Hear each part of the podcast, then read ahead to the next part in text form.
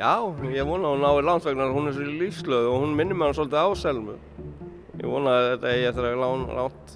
Þetta er mjög flott lag og það vinnur á ef þurfum að hlusta meira á það. Og samanlögð möguleg lífsfylling þeirra allra, vitvila og mannfólks framtíðar er svo yfirþyrmandi langtum meiri en nokkur möguleg ánægja þeirra fái milljarða sem hýrast á þessari einu plánutu hér og nú að í samanbörði verða flest ávíkju efni okkar sem vil svo til að erum til, sætt að segja, frekar léttvæg. Það er samdráttur í prentun, alveg greinilegur og hann verðist vera í fjölmjölum líka en við vitum reyndar að það byggist meira á breytingum á rekstrar fyrirkomulegi í fjölmjölum heldur en eiginlegri fækkun fjölmjöla fólks eða eitthvað slíkt og þá bara eftir að fara betur ofan í sauman á því. Í læstinni í dag, Eurovision í mjóttinni, menningar, tölfræðingur, hagstofunar og ný futurismi Kísildalsins. Ég heiti Kristján Guðjónsson. Og ég heiti Lóa Björk Björnsdóttir.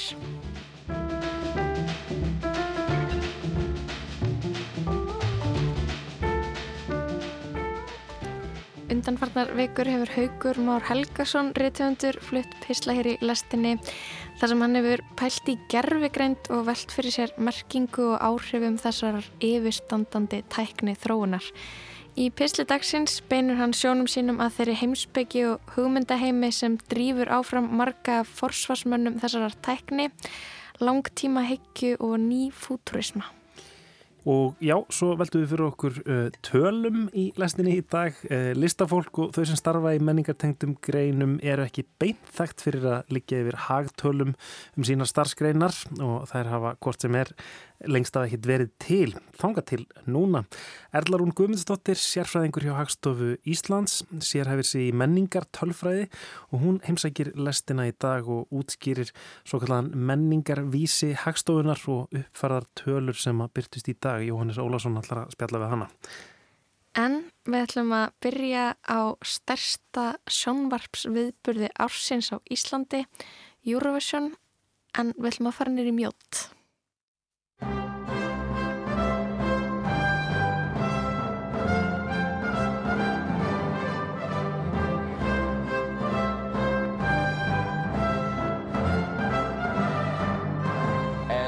Finally, um, Iceland, 12 points. Only fair, only fair. Iceland, 12 points. Iceland, 12 points. And finally, 12 points go to Iceland. Et 12 points pour l'Islande. Good night. And finally, Iceland, 12 points. And Iceland, 12 points. Iceland. 12 Hungarian points go to Iceland. Islande, 12 points. Thank you, Eva.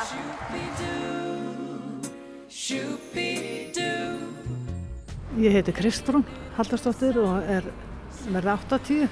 Já, ég fylgist alltaf með Eurovision. Horður í gær? Já, já, já. Ætlar að horfa morgun? Já, ef ég get. Ertu komið með Eurovision plön fyrir lögadaskvöldið? Nei, reyndar ekki. Ég er að fara árgangamót fyrir 80 ára í hveragerði. Og ég ger ekki ráð að við fyrir að horfa á, á hérna þetta, Eurovision. Sigurvegari söngvakeppninar 2023 er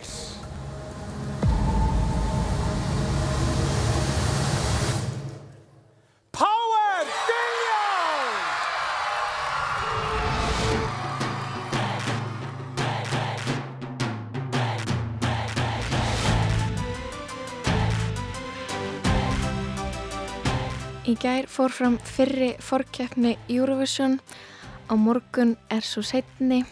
Á morgun flyttur Dilljá lægið sitt Power og á laugardaginn verður aðalkeppnin haldinn með pompi og prakt í Liverpool. Just maybe I'm crazy. The walls been. You die, shit, you die. Ég ákvaði að kíkja í mjótina og spjalla við gangandi vegfarendur um Eurovision. Allir hafa skoðanir á Eurovision. Ég var mjög full að Frikki Dór fór ekki áfram. Þú er haldið að, að Freki Dór hefði tekið þetta? Já, 100%. Já, það er reyður. Ég fór á Facebook og ég gerir status. tilbaka í örmunum á mér Ég man það, ég man það svo vel Eiginlega allir horfa. Svona með öðru augunu. Fólk er farið að skipulegja partí. Já, ég ætla að fara í partí á vinafólki mínu. Ég held við verðum sex og þetta verður kærastu minn, ég, uh, bestu vinnu kærastu minns og maðurinn hans. Við verðum svona saman.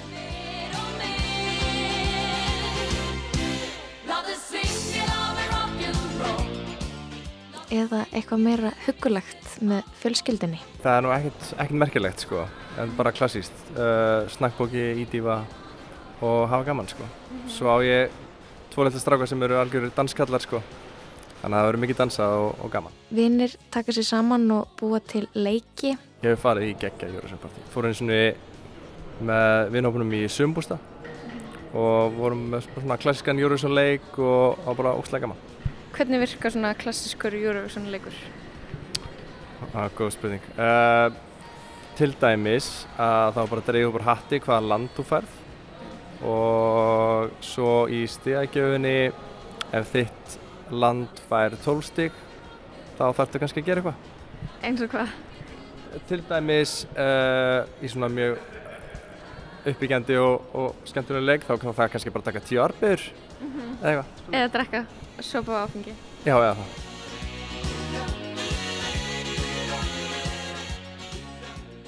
Einhverjir klæða sig upp í búning, aðrir láta snakkskál og ídífuna duga. Ég ætti ég verið ekki feka bara heima og fá mig að borða nammi stakk og svona við sjóvarpun og hafa næri svo kósi og svona sko. Einhverja hluta vegna er Eurovision ótrúlega vinsælt á Íslandi. Hefur eitthvað tíma bara alveg trúið því að við munum vinna það árið? Ég reyndar, þegar hún bór hún Sigga. Beinsteins. Já. Hvað, lafa það aftur? Hanna, nei eða já eða? Og gleði bankin líka. Og þá var maður nú með partí, það er náttúrulega svo langt síðan sko. Tíminn líður hratt á gerfina Hraðar sér hver dag, hraðar sér hver kvöld Hvernig voru Eurovision partíin hjá þeirra á þessum tíma þegar Sigga Beinteins voru að keppa? Þá bara fór maður með öll sín börn og, og hérna fjölskyldunar hittust á einu stað og var bara partí. Eða svona matur og, og eitthvað gaman. Hafið verið að skreita eitthvað eða klæða ykkur upp í búninga eða er þetta bara svona frekar hverstaslegt? Já, okkur fannst þetta ekki hvertastætt. Við bara hérna, neini, við klædum okkur svo sem ekkert upp, sko. En þetta var svona sérstök stemming yfir þessu. Og hefur, hefur þessu fyllt mikið jam? Voru það, var þetta eitthvað svona... Nei, maður var alltaf með börni með þessar. Já, já, já. Heldur um að læginu í ár? Já, okkar? Já, já, já. Og næsta uppáhalds er, er hérna Portugal. En auðvitað kýs maður, myndi maður vilja fá íslenska lagi. Mér finnst það bara, hún hlýtur að vera framalega. Getur ekki hann að verið.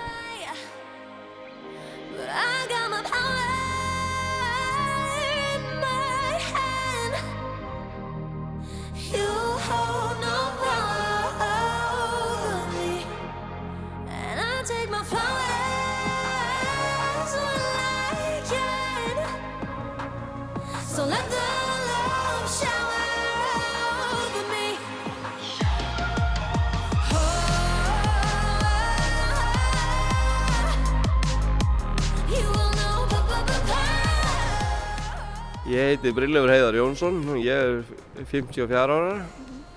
Ætlar að horfa á Eurovision á lögadaginn? Já, ég reikna með því. Ég hef búin að fylgjast á, svona með öðru augun alltaf með þessu.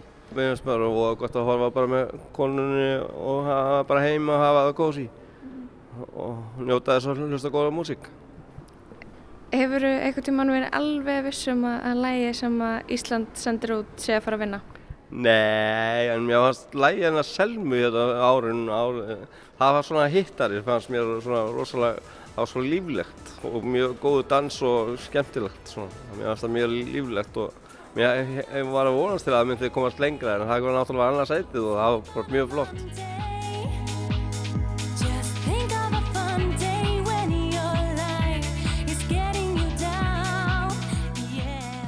Já, ég vona að hún nái langt vegna hún er svo lífslöð og hún minnir mér svolítið á Selmu. Ég vona að þetta eigi eftir að lán langt. Þetta er mjög flott lag og það vinnur á ef þurfum að hlusta meira á það. Veistu, ef þú getur sagt eitthvað við Dilljó að hún stýr á svið, hvað myndur þú segja við hana? Ekki vera stressuð og vera bara niður á jörðinni eins og hún er búin að vera undanfarið og bara passa sig að fara ekki í, stresskast. Bara hafa gaman. Það var gaman að njóta það og njóta öllumblíkur sem tækifæri sem hún fær eftir á þetta. Að- Heldurðu að myndi koma sér illa ef Ísland myndi vinna? Nei, ég held að við höfum bara ekkert bólmagn í það en við erum náttúrulega alltaf að stækka en ég, ég veit ekki hvort við höfum bólmagn í það að halda svona kefni en við erum að halda stóran fund núna fljótlega og uh, hver veit Hvaða tilfinningu hafður fyrir þessari undankeppni sem var í gær? Mér fannst það svolítið svona eins og væri svona smá líkt að þessu að það væri svona ákveðna blokkir sem voru að kjósa eh, sína sitt fólk sko eins og væri búið að kró, króka sér saman. Mér fannst það svona setja svolítið uh, lit á kernina. Uh, finnst þér eitthvað svo, það sé enginn sem að sé í, í þannig blokk með Íslandi, svona kjósa alltaf Ísland? Mér finnst það allan að við þurfum að við fáum svolítið að kenna fyrir því að vera litla þjóðin út í Vallarhafi. Og ég held að fólk, eins og, eins og maður segir, fólk treystir okkur ekki alveg. Ég veit ekki hvað ég á að segja nánar um það. En er eitthvað svona þjóðir sem þú ert sjálfur einhvern veginn líklegri til að halda með í Eurovision? Mér finnst það rosalega gaman að normönnum og finnunum og svíjónum sérstaklega og dönunum og ég finnst það svona alltaf hlýja mannum hjartarættir og það er stenda manni næst. Ég heiti Áróra og ég er 80 ára gömul. Ertu, að, ertu búin að plana að horfa á Eurovision um helgina? Ertu vön að fylgjast með? Já, svona meðröðu eiranu. ég er búin að missa svolítið áhugan á þessu. Mér finnst ekki eins gaman að eins og var í gamla daga. Maður uh, hafði meira gaman af lögurum á þessu sem var flutt. Það var bara orðin öðru smekkur hjá manni. Um, hefur eitthvað tíman verið alveg vissum að, að lægi sem að Ísland sendir út sé að fara að vinna? Eitthvað svona sem... Aldrei verið svo bjarsinn. Áttu þér uppáhald Íslands Eurovision-lag? Nei, ég man ekki þetta neina þessu. Hvernig finnst þér uh, keppnin í ár? Ertu, hvernig líst þér á, á, á Diljá? Bara svona lala, mér finnst hún ekki sérstök. En ertu spennt fyrir keppninu á lögadaginn? Ekki dóðileg spennt, bara ég ætla að fylgjast með svona, eins og ég segi, með öðru eirinu. Þú skalt syngja lítið lag um lífsgleðina sjálfa í brjóstið þér. Og láttu heyra að þú eigi lítið gleði hús. Ólöf Elva og er Sigvaldadóttir og ég er 78 þangar til að lauga daginn, þá verð ég 79. Frábært til að hafa ekki við það. Ja, takk. Hvað séu, hvað ertu að, að gera hérna með þessa bækur? Sko, ég er móðalega hrifin af þessu bókahotni hérna. Ég les óskaplega mikið og mikið á ennsku og ég er bara fastu kunni hérna. Næ mér í bækur og skila bókum og þetta er alltaf ógefis og Hérna er, hérna er svona tvær hillur fullar af bókum og, og maður getur bara komið og sótt sér Já. bækur og skilað eftir. Já. Já. Hefur þú notað þetta lengi? Já, alveg síðan þetta byrjaði. Eitt, tvö ár held ég. Já. Sko ég er hérna í, í mjóttinni sko aðeins að reyna að koma að staði eh, hvað fólk heldur um Eurovision í ár, hvað fólk ætlar að gera á. Já. Mætti ég spyrja út það, ætlar þú að horfa á lögadaginn? Já, öruglega. Ertu vön að horfa alltaf? Nei, ekki alltaf. Er eitthvað sérstætt við keppnina í ár sem að lætur ég langa til þess að horfa? Nei, það er ekkert sérstætt sko. Ég, ég er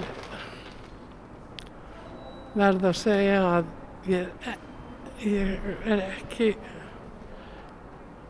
mjög bjart sín með íslenska lagið eh, út af því að mér finnst vera svo mörg svipið lög.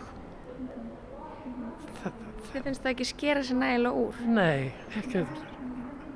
En ég er mjög síðan að finnum og síum og normunum og já, ég, ég hef svona dottið inn á þetta. Hefur þú einhvern tíman svona, mm, verið alveg vissum að, að, að uh, íslenska lagið sé að fara að vinna? Er það eitthvað svona íslenskt lag sem hefur keft sem Já. þú hefur verið mjög sigurviss? Já, það var menni Jóhannu Guðrún. Ég var ofsalega hrifin af því.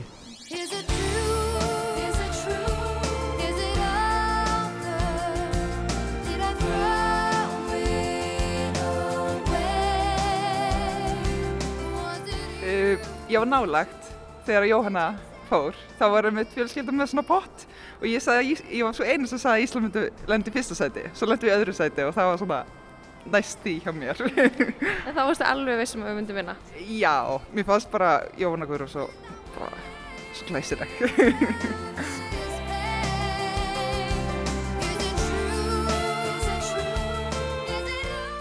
Ertu með plön að horfa með ykkurum?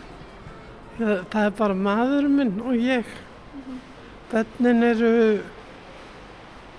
uh, hingað og þangað sko, ellendis og ég á dóttir sem býð út í Svíþjóð og er mikil áhuga mannskjum Eurovision. Ég er nú ekki einn búin að tala um við hana hvað hún haldi að Svíþjóð geri. Nei. En hún er öruglega hann að syngja lagi, það er ég alveg vissum. Hvað er svona uppáhalds íslenska Eurovision-lagið þitt sem þú heldur mest upp á svona í gegnum tíðina? Já, það er náttúrulega alltaf hún Nína sem að maður er alltaf að syngja í ferðalögum. Núna ertu hjá mér,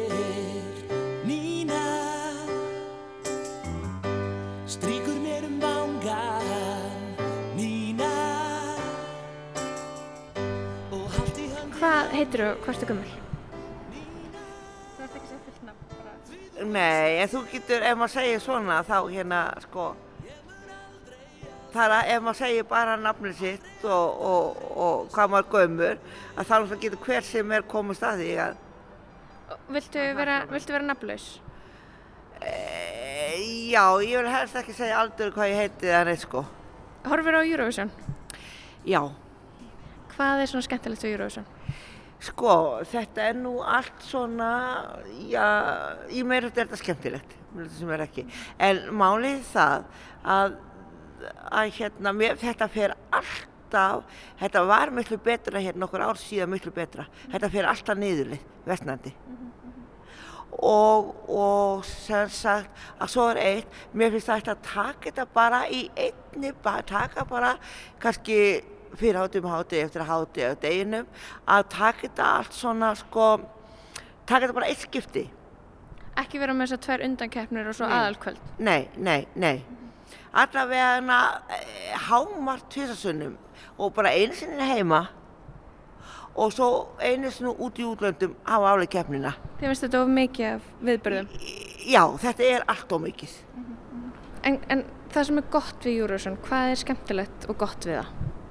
Já, já, já, já, já, já, þetta er allt saman gott meirhluta, bara þess að ekki frekar að þannig meirhluta. En það eru, það er mörg lög, hérna, jú, jú, góð. Og mér svona dansinn, skemmtatrinn og þetta, þetta er allt flott, sko, og fötin. En samt sem áður að, sko, við eigum ekkert að vera með í þessu, bara þess ekki.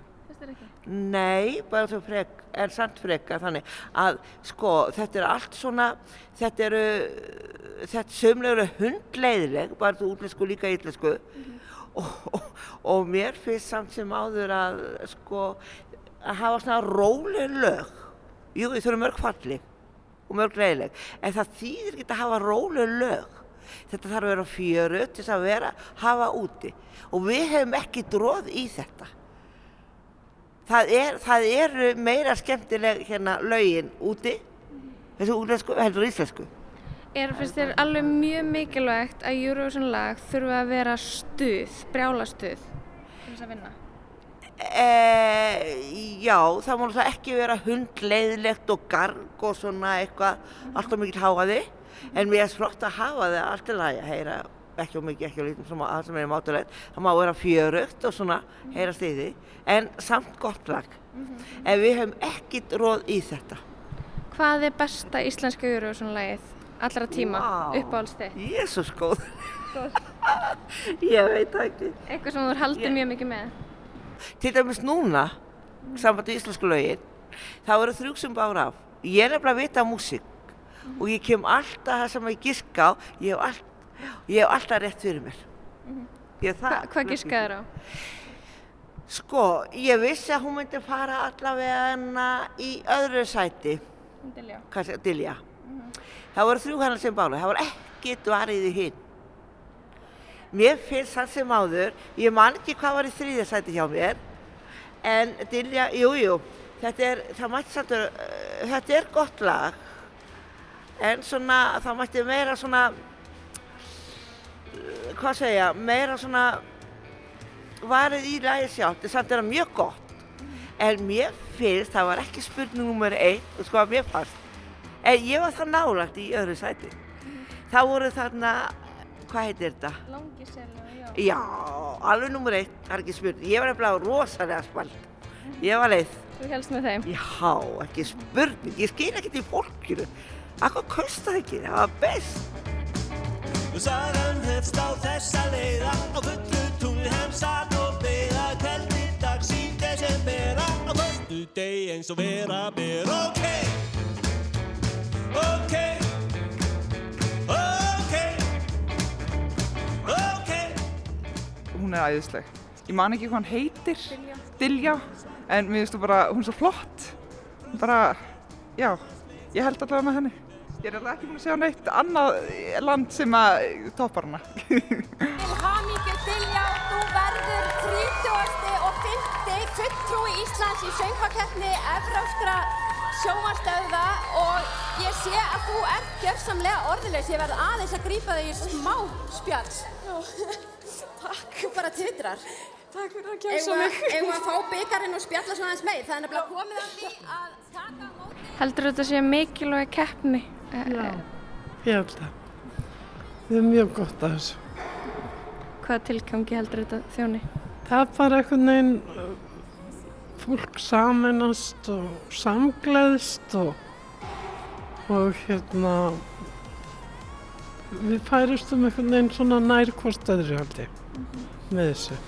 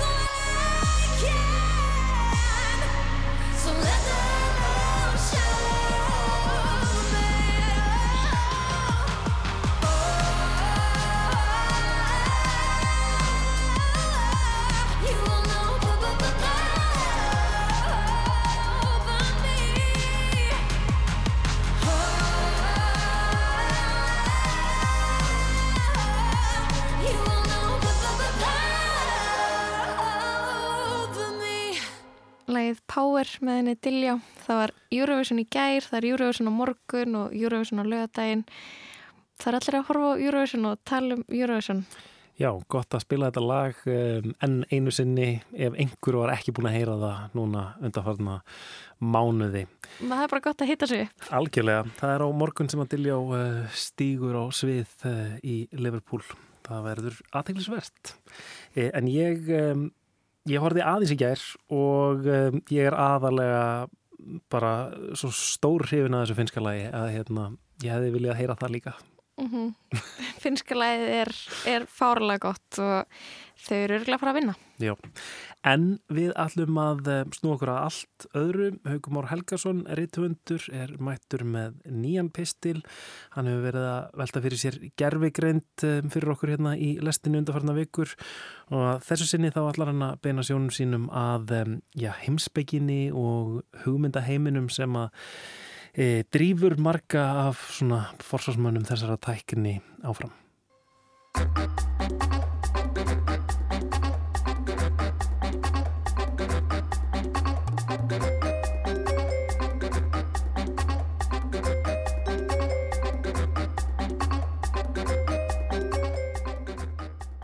Framtíðin er snúin aftur. Það bar svo lítið á henni um hríð að hún varð að skotspóni. Við báðum um fljúandi bíla en sitjum uppi eins og hundar í bandi tækjan okkar, sagði fólk og hló. Við báðum um ferðir til Mars en fengum eilífar endursýningar á Sænfeld.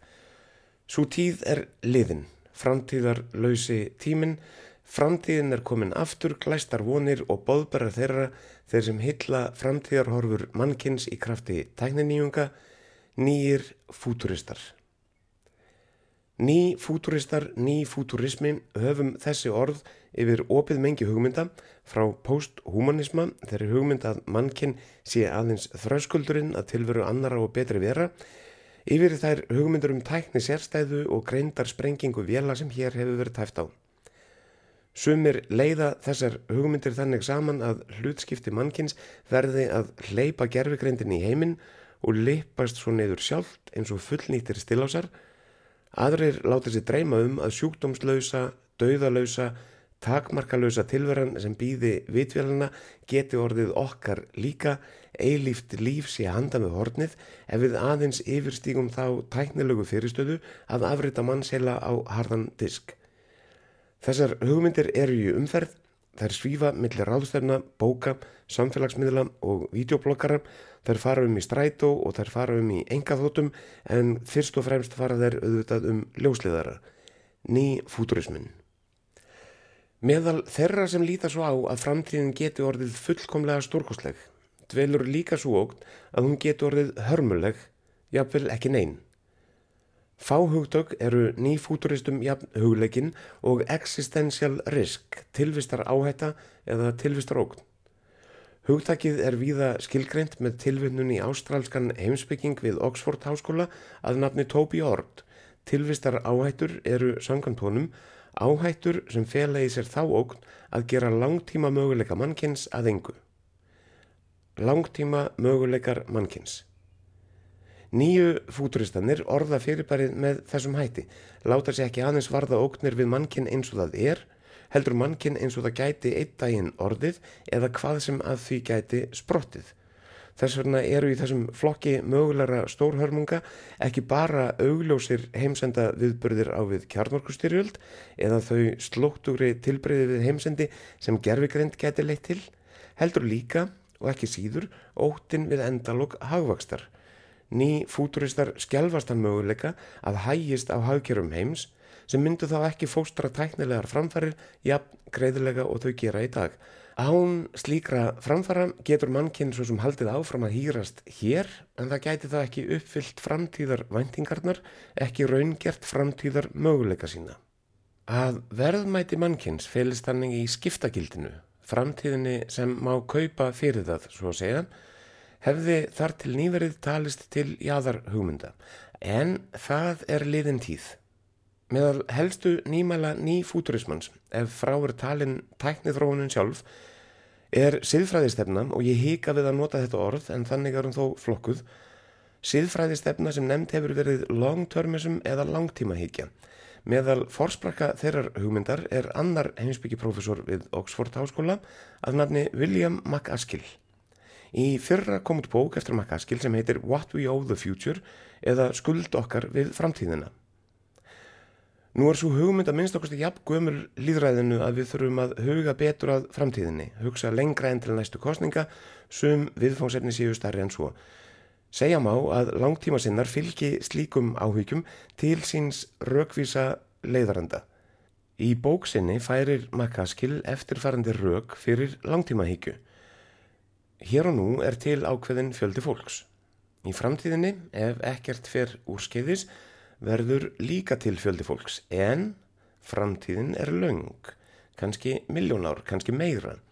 Í henni verður því allt í allt umtalsvert fleira fólk en við erum sem lifum hér og nú, miklu fleira raunar og hagsmunni þeirra hljóta að skipta einhverju máli þegar við metum ákvarðanir okkar.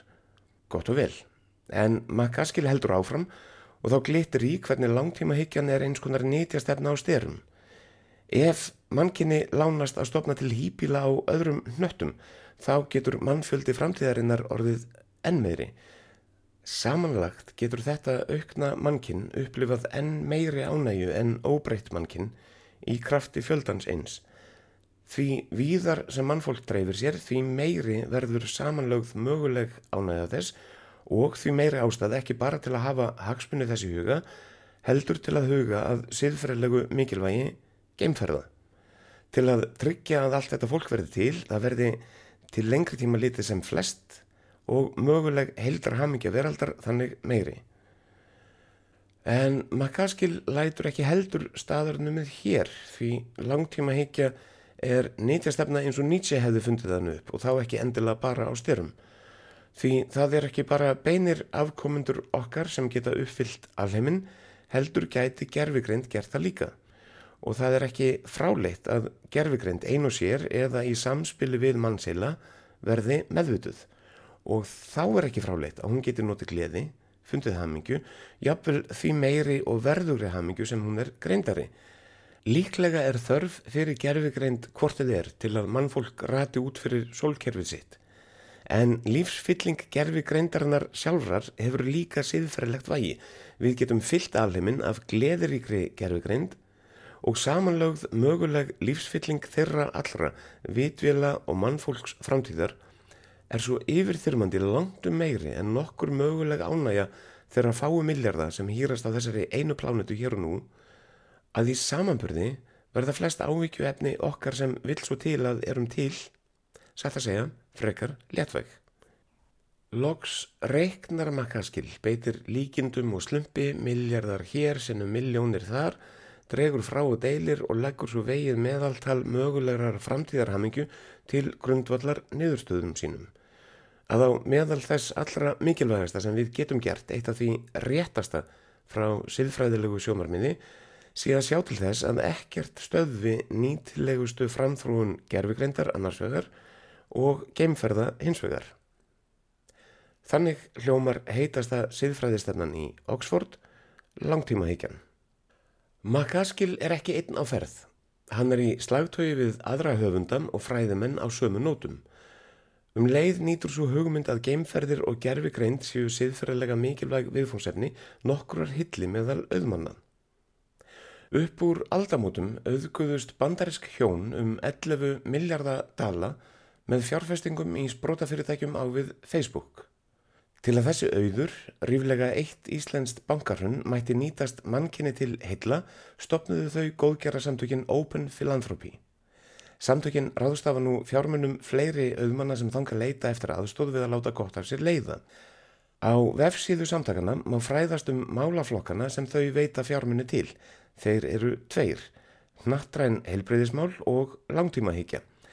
Og það var á forsendum langtímahyggju að sögt samtakana til að koma í veg fyrir að gerfigreind verði banabiti mannkins sem þau gáfu árið 2017 30 miljónir dala eða um 4 miljardar króna til sprótafyrirtækis sem þá var reyndar líka skilgreint sem einskonar góðgerastofnun OpenAI. OpenAI sem skekur nú verölduna með mál líkonum sínum var með öðrum orðum fjármagnað meðal annars af góðgerasamtökum á forsendum langtímahyggju. Heimsins hæfasta gerfigrind skrifuð til að forða mannkinni frá þeirri ógn sem annars gæti stafað af gerfigrind ef ekki er rétt á henni haldið. Hnarreistir á heimsins tindi reytum við augrunum okkar í stjórnunar eina ferðina enn. Þannig lauk manifestói fúturistana á síðustöld. Fúturistanir eru komnar aftur með framtíðina í bakpokanum og nóg af næsti bítandi í skottið á sér eins og drekinn úr rúburú, tókandi svo upp á hárinu eins og leikasaka samin af gengdarlausum væntingum og óttanum við sjálfa sig.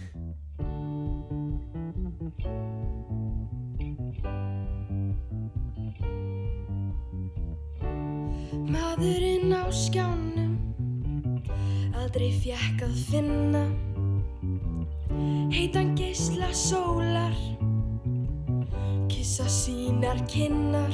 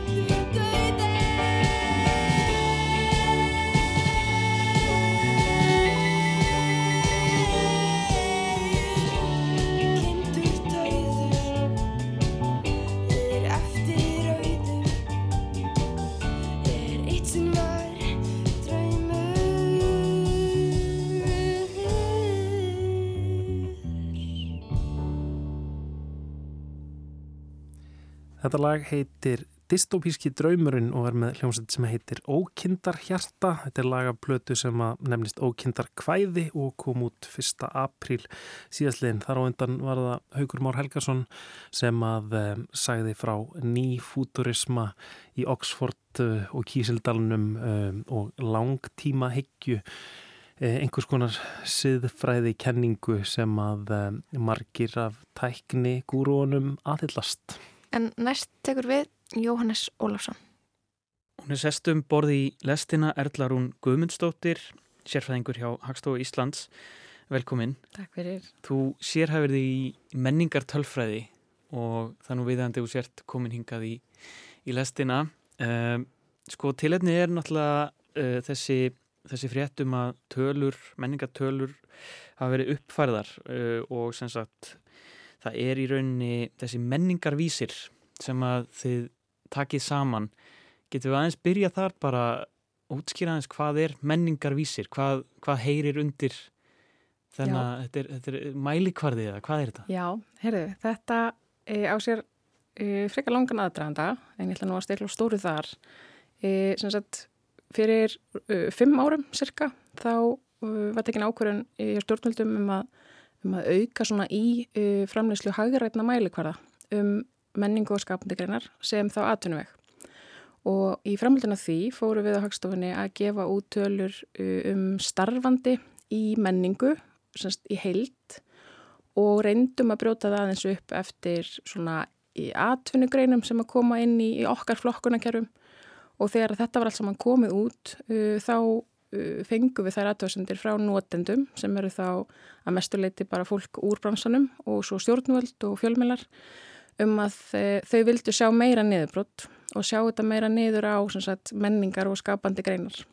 Þannig að uh, við upphófst ferli hjá hagstofunni við það að reyna að svara því kalli að því að flokkunarkerfin sem eru nótu til skýrslu gerðar e, bjóðir henni ekki upp á það. Mm. Þannig að við sagt, fórum í það að búa til hlýðarflokkun þar sem við reynum að brjóta milli menningargreina eða skapandi greina innan þessara ísatt atvinnugreina sem eru notar í, í hagskýrslugarinni. Mm.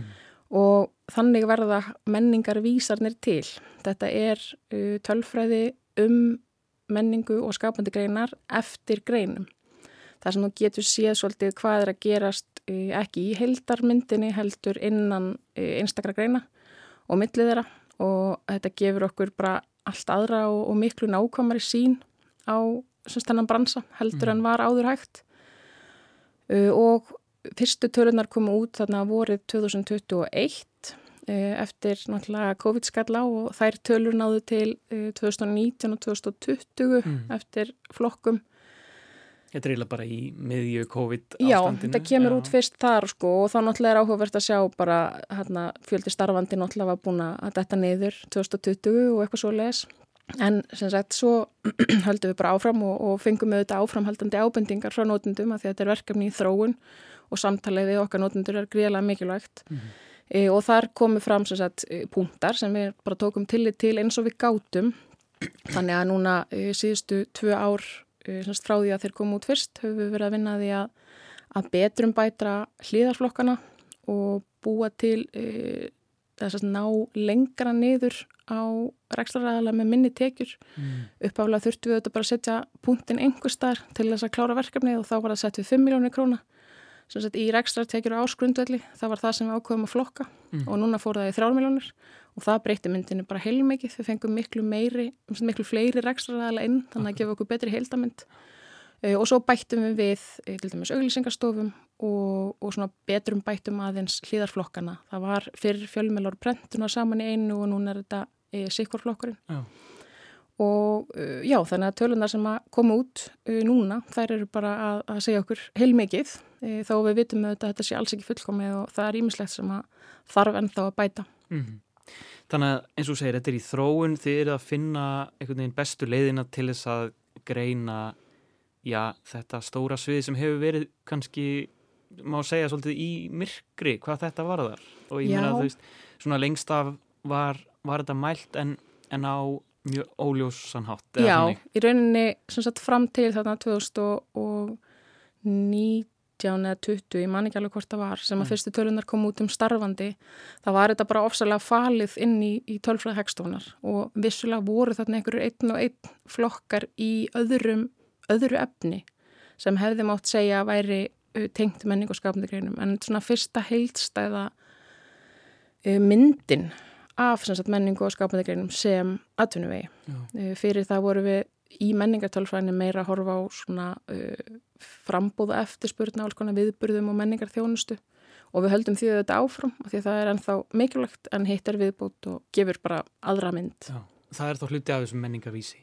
Nei, í raunin eru menningarvísarnir bara hagræni mælikvarðarnir. Já. Þar eru við bara að horfa á sagt, út frá svona gögnum hagstofunars í öðru eins og dæmis um starfandi, um laun, um, um rekstraræðala, tekjur og slíkt. Og meðan að hitt er svona uh, það byggir frekar á sérstökum gagnasöfnunum uh, þar sem við byggjum um gögn frá aðilum í, uh, í starfsemi, menningarstarfsemi. Um þeirra frambóð og, og eitthvað kannski um eftirspurn. Já. En svo erum við reynda líka með vorum uh, að vara klárast hjá okkur neysluransókn þar sem við erum líka að fara að skoða þá hlið þar sem segja hvað Íslandingar eru að neyta af menningu og fjölmjölum Ok. sem verður mjög áhugavert að sjá einhverju neðstöru úr í haust. Í haust? Já, Já. það er semst búið að- að loka uh, rannsókninni og nú þarf að- að vinna úr öllum gagnunum og búa til alls konar bógir og, og skemmtilegt. Já. Og, Þetta er mjög myndrænt og, og getur verið, þetta, maður getur svolítið druknað í tölum og tölfræði. Heldur og, betur. Uh, maður les svona texta um uh, 40% aukning og, og, eitthvað svona og maður, maður verður pínu ringlaður en, en, en það er hægt að setja fram á áhugaverðan hátt og, og þið sjáuð ímislegt já, fréttnænt og þið sjáuð eitthvað sem er að gerast. Ég meina, þú tókst nú saman hérna, uh, ákveðna tölur sem kannski standa upp úr, ég meina það er til dæmis að rekstra tekjur í menningu og skapandi greinum jökust um 40% 2012 til 2021 Já, reyndar eh, er það þá að fjölmiðlum og prentun undanskildum. Því að það er samdráttur í prentun, alveg greinilegur og hann virðist vera í fjölmiðlum líka en við vitum reyndar að, að það byggist meira á breytingum á rekstrar fyrirkomulegi í fjölmiðlum heldur en eiginlegri fækkun fjölmiðla fólks eða eitthvað slíkt og þá bara eftir að fara betur ofan í sauman á því þó við höfum alveg gert það hinga til eh, en semst bara við höldum áfram að finna út úr því hvað er í gangi þar.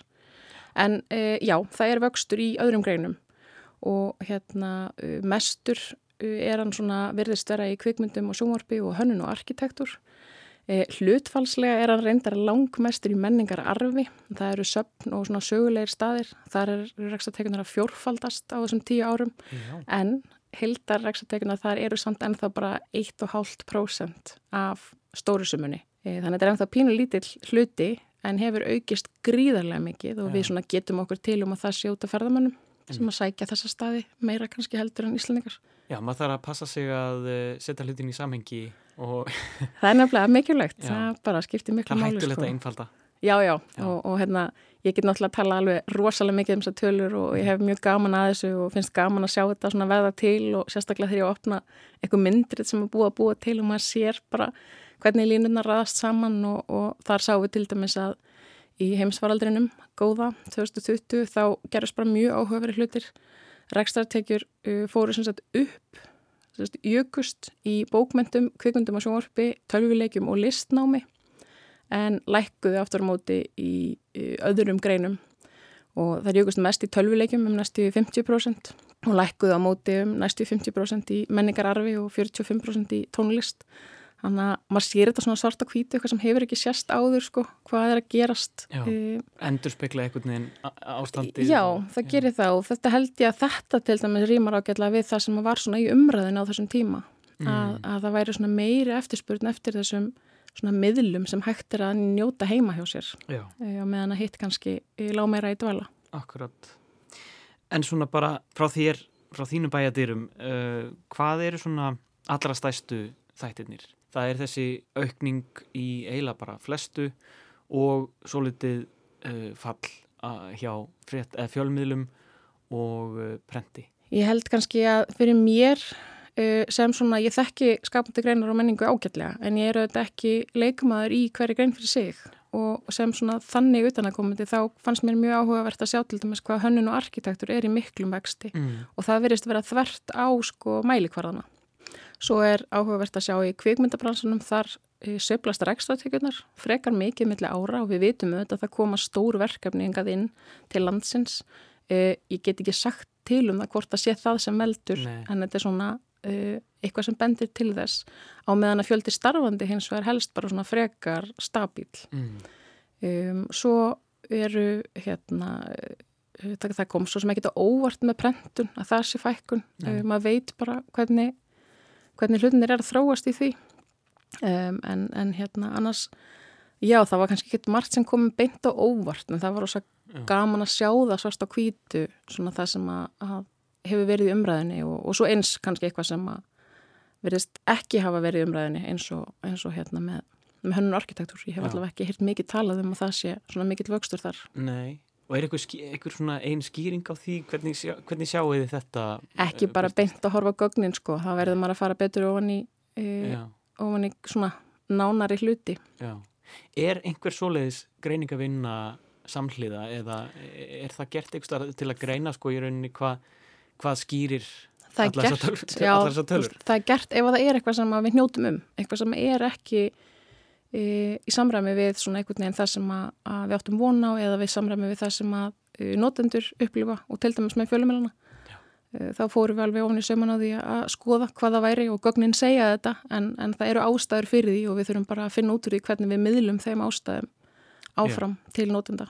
Og það er líka eitthvað svona sem hefur leið í loftinu með, með fjölmiðlar náttúrulega í já, undanfornum árum uh, þar sem fjölmiðlar mæta til dæmis bara internetinu og samfélagsmiðlum og, og fleira, þetta er náttúrulega alltaf breytast og Mhm. prentmiðlar að- fara út og svona um, en þetta er ekki kerfisbundið einhvern veginn greint samhliða hvað, hvað Ekki veldur þannig sko, nei. En svo fáum við nesluransóknuna á móti og, veist, hver veit nema að einhver vilji rannsaka þetta en það er kannski ekki alveg hagstón að gera það. Nei. Það verður að, að, hérna, að, bara vinna, vinna með einhverjum. Þið skaffið í- í tölurnar. slíku. En hérna, það er samt líka mjög áhugavert með fjölmjölana að þó að þetta sé í gangi þá sko fjölgar rekstraraðalum sem eru með að minnstakosti þrjár miljónir í, í rekstrartekjur áskrundvöldi. Þannig að þetta, svona, þetta talar ekki alveg saman og við Já. þurfum að, að skoða það enn betur. Hvernig hafa viðbröðin verið frá bara helstu stopnunum eða, eða svona, svona félögum innan menningarinnar eða jafnvel bara listamönnunum sjálfum? Er eitthvað, hvernig eru viðbröðin við þessu? Ég vona að þau verði góð í þetta skiptið.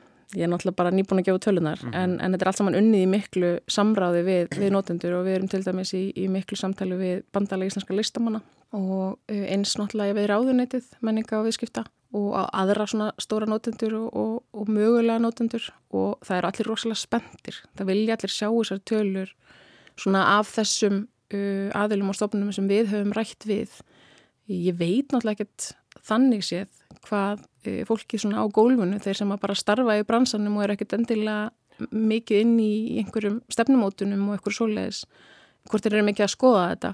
En, en ég held samt að það sé almennt svona álit bara allstaðar í, í menningu og skapandi greinum að það sé þörf á þessu Já. til þess að bæta uh, svona heldamyndina og, og auðvelda stefnumótun. Já, akkurat, en ef, en ef ég bakka aðeins í sko þetta að að svona tölur hafa, já, eiginlega bara ekkert verið til um þetta svið og hefur verið rannsakað aðalega bara á forsendum sko frambóðs og eftirspurnar á menningaviðburðum Mhm. eða lengi vel. Er ykkur svona, er ykkur einn skýring á því? Ég menna, klísja að listamenn hafi ekki áhuga á svona tölfræði en, en, en er ykkur svona, ykkur einn augljós skýring á því akkur þetta hefur ekki verið gert? Nei, ég held ekki. Engin augljós. En ég get svo sem rakið bara í, í fræðunum sko og, og svona almennt í stjórnsýslunni að þá bara eikst áhugin á þessu held ég þegar að fólk verður að taka eftir að þetta er, það er eitthvað að gerast þarna. Og það er það sem þið eruð að gera núna? Já, já, Já. einmitt.